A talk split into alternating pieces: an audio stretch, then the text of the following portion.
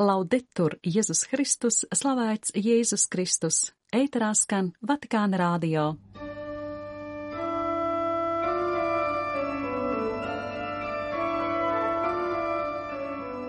Esiet sveicināti, dārgie radio klausītāji! Jeruzālēmas baznīcu patriārki asi nosūta Izraēlas armijas nepamatoto uzbrukumu Gazas iedzīvotājiem – Lielā gavēņa trešajai svētdienai paredzēto evaņģēlija fragmentu komentēs Salaspils draudzes prāvests Ilmārs Tolstovs. Rubrikā iekšējā dziedināšana dzirdēsim Sandras Krupenko sagatavotās pārdomas par ilgo personības veidošanās ceļu. 3. marta raidījumu noklausīties aicina māsa Silvija Krilteža.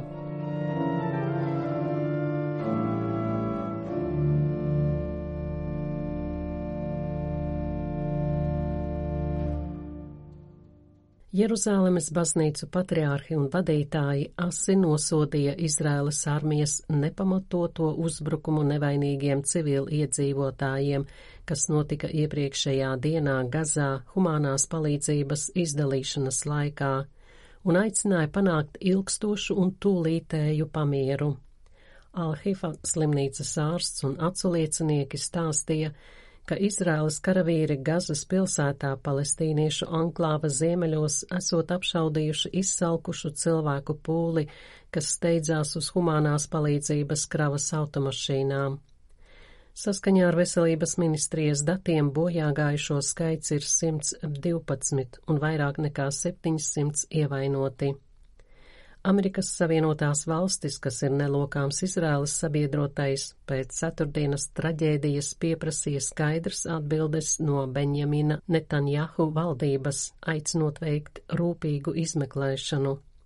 Baznīcu pārstāvji Jeruzālēmē aicina karojošās puses nekavējoties panākt ilgtermiņa pamieru, kas ļautu ātri piegādāt humāno palīdzību Gazas pilsētai, kā arī panākt vienošanos par gūstekņu un ieslodzīto atbrīvošanu. Viņa arī nosodīja Izraēlas armijas preses pārstāvju vēlmi noliegt karavīru atbildību šajā traģēdijā.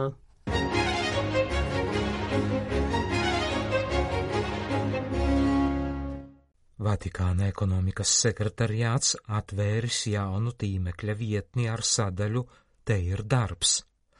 Tādējādi pavarot iespēju lajiem no visas pasaules iesniegt savu kandidatūru darbam svētā krēsla institūcijās. Tīmekļa lapā ir norādītas vairākas vakances ar prasībām kandidātiem.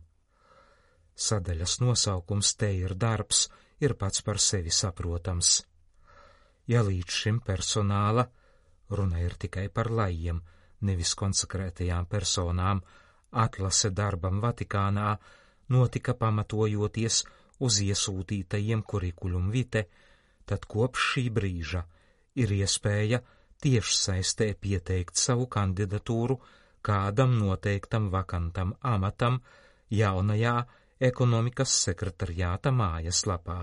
Sekretariāta prefekts Maksimino Kabaljero Ledo skaidro. Ekonomiskās reformas centrālais temats attiecas uz cilvēku resursiem, kas, kā jau tas notiek vienmēr, ir viena no vissarežģītāk īstenojamajām reformām.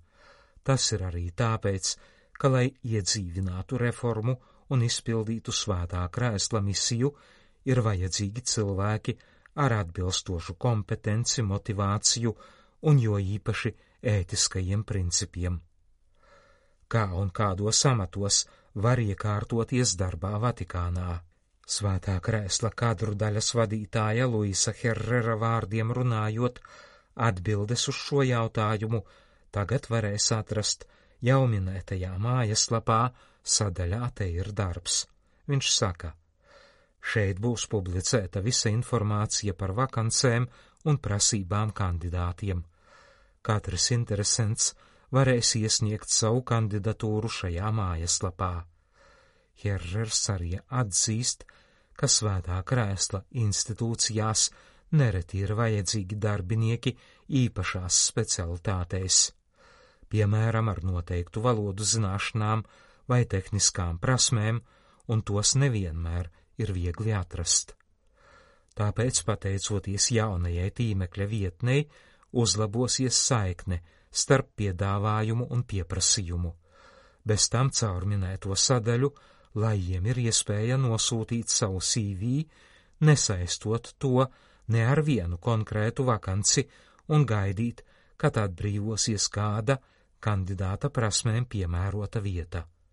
Sadaļa te ir darbs, ir paredzēta ar Vatikānu nesaistītiem lajiem, kuriem varētu interesēt darbā iekārtošanās kādā no svētā krēsla institūcijām. Tomēr ekonomikas sekretariāts strādā arī pie tā, lai veicinātu lielāku iekšējo mobilitāti. Tādējādi, kad kāds amats kļūs vakants, tad paziņojums tiks izplatīts arī darbinieku portālā. Līdz ar to varēs zināt, vai amats varētu interesēt kādam, kurš jau strādā Vatikānā. Jaunajā ekonomikas sekretariāta tīmekļa vietnē papildus informācijai par pieejamajām vakancēm ir pārskatām izklāstīti arī noteikumi, kas regulē kontroli un uzraudzību ekonomikas un finanšu jautājumos. Piemēram, tas attiecas uz iepirkumu nodaļu, kas ir atbildīga par 2020. gada maijā pieņemto normatīvo aktu par caurspīdīgumu, kontroli un konkurenci svētā krēsla un Vatikāna līgumu slēgšanas procesos, interpretāciju un īstenošanu.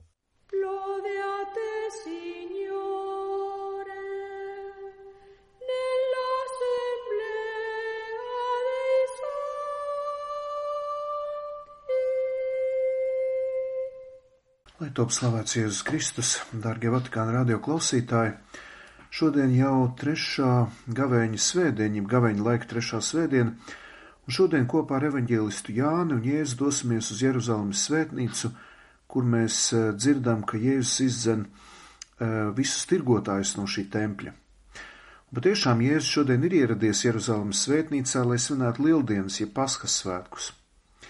Evanģēlis Jānis, atšķirībā no pārējiem trīs sinoptiskiem evanģēlistiem, šo aprakstu ir ievietojis savu evanģēlī pašā sākumā, uzreiz pēc pirmā brīnuma Galilejas kāzās kānā, kad viņš ūdeni ir pārvērtis vīnā. Jēzus asi reaģēja uz templī notiekošo. Templis jūdiem bija visas viņu kulta un svētuma centrs. Ļoti zīmīgs ir vecās derības pravieša Zahārijas jeb Caharijas pravietojums, kas saka, un kunga Cebeota namā tajā laikā nebūs vairs neviena pārdevēja. Atšķirībā no pārējiem evaņģēlistiem Jānis vēlas uzreiz savus lasītājus aizvest pie paša būtiskā, pie augšām celšanās, un norādīt, ka viņi patiesie pielūdzē Dievu pielūgs garām patiesībā. Jānis uzsver, ka Jēzus mācekļi tieši pēc augšām celšanās Interpretējot šo rakstu vietu atsaucās uz 69. psalmu. Jūdi uztraucās, ka Jēzus uzbruk viņu skaistais, vissvētākai svētnīcai, kuras celtniecība Herods iesāka 20. gadā pirms Kristus un kuru pabeidz īsi pirms jūdu sacelšanās 62. gadā, kā to norāda Jozefs Slāvijs, jūdu vēsturnieks.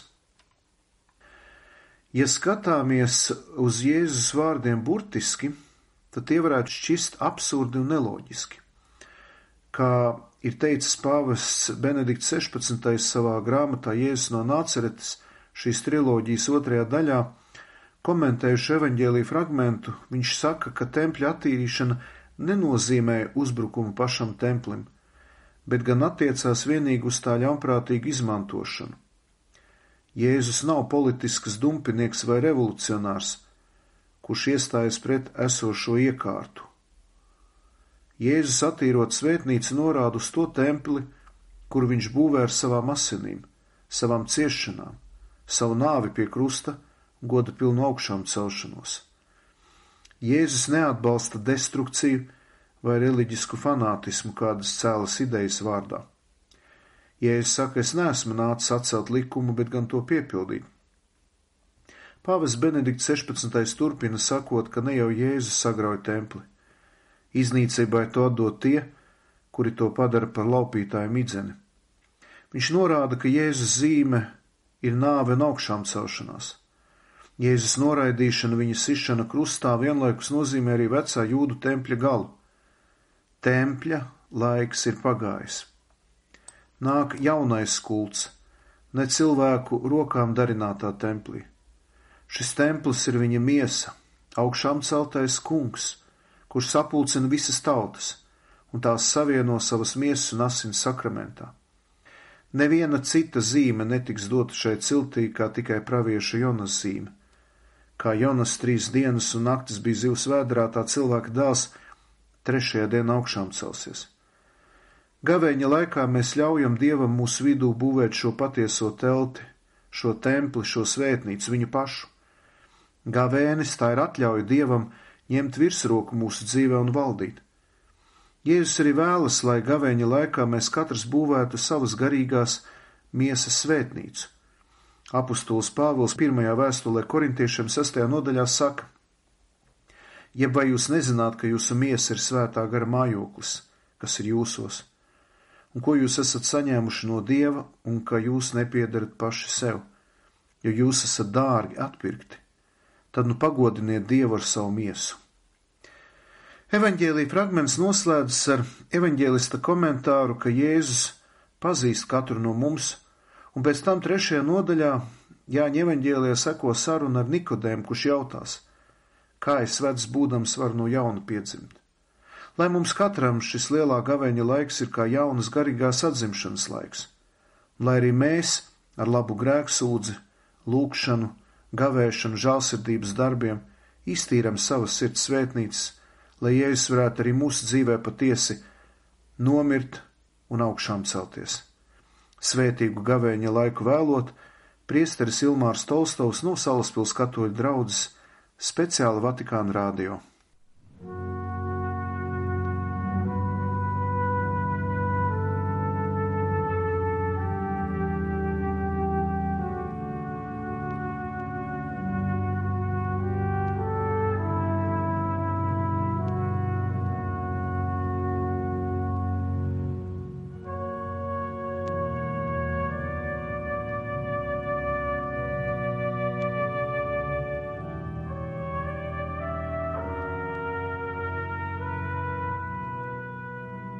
Dārgie Vatikāna radio klausītāji, aicinu turpināt ieklausīties pārdomās par iekšējo dziedināšanu.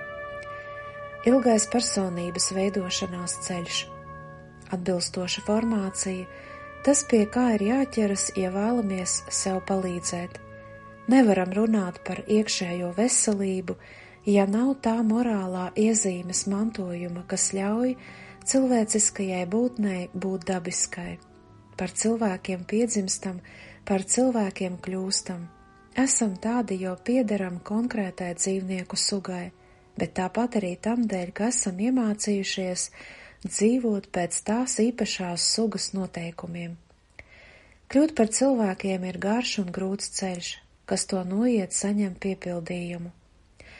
Par tām pūlēm saņemam pašu skaistāko dāvanu Daži nespēja iet šo soli un mīņājas visu dzīvi līdz civilizētām tā līmeņa pakāpienam, tā grūžot ļoti nopietnās briesmās gan savu, gan citu cilvēku laimi.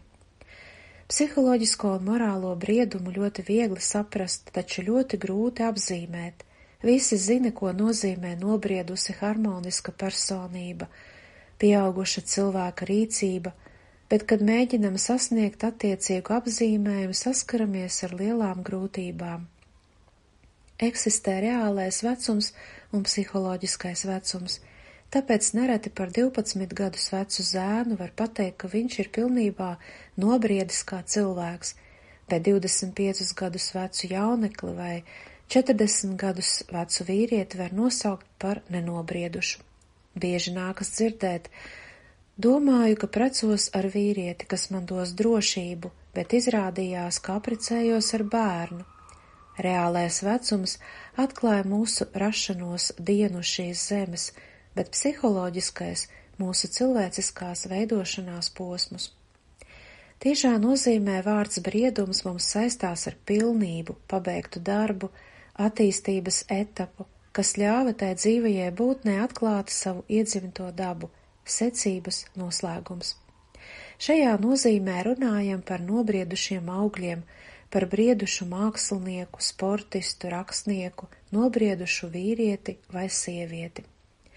Pieaugusi personība ir ilgu metamorfožu, fizisku, psihisku un garīgu izmaiņu seku rezultāts. Pateicoties šīm izmaiņām, veidojas individualitāte, kurai ir līdzības ar citiem cilvēkiem, bet ne ar vienu nav pilnībā līdzīga. Augt ir kļūt par sevi pašu, atklājot savas iespējas, tas ir veidot sevi, to pilnībā neatkārtojamo veidu, domāt, mīlēt, darboties un reaģēt, kas izšķir individu no citiem un pavada to visu dzīvi. Tikko dzimis mazs cilvēks, Tuliņ pat atpazīs situāciju, kas viņam garantē drošību un labu pašsajūtu. Tā ir piederība. Zīdainis ir būtne, kas ir atkarīga no citiem, viņš tiem uzticas un arī sevi uztic viņiem. Viņš ir pats to nezinādams kā zīme tam konfliktam, ko cilvēciskā būtne sāpīgi izdzīvo līdz pat nāvei. Tas ir konflikts starp nedrošības un drošības meklēšanu, un šis konflikts izlem viņa likteni, baiļu, nemiera vai miera stāvoklis.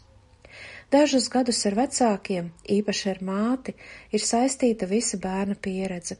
Atdalīšanās no tiem nozīmētu iznīcību. Viņš identificējas ar tiem, dzīvo simbiozē, tie ir viņa piemērs, ko bērns neapzināti pārņem pat līdz mazākajiem sīkumiem.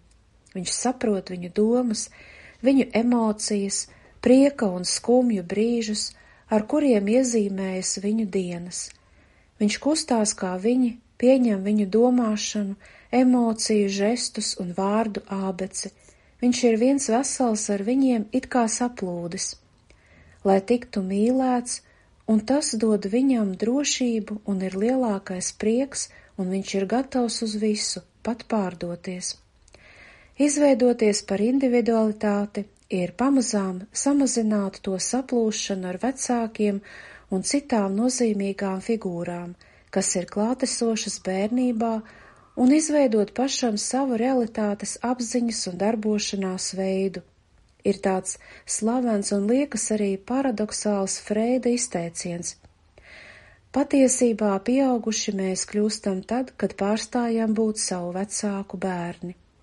Šis atdalīšanās darbs iesākas ļoti agri, tad, kad bērns saprot, ka māte nav tas pats, kas viņš, bet kaut kas cits, kāds, kas atrodas viņam pretī, ar ko viņš uzsāk kontaktu, ka tas ir tu, kurš dara viņa lietas vai nepielaiž, kas atbild vai klusē, paslavē vai soda. Cits svarīgs solis ir laiks, kad bērns iziet no vecāku mājām un ierauga, kā aiz viņa mājas sliekšņa ir liela pasaule, un ka tur ir daudz citu, līdzīgu viņam, tomēr atšķirīgu. Turpinājums sekos.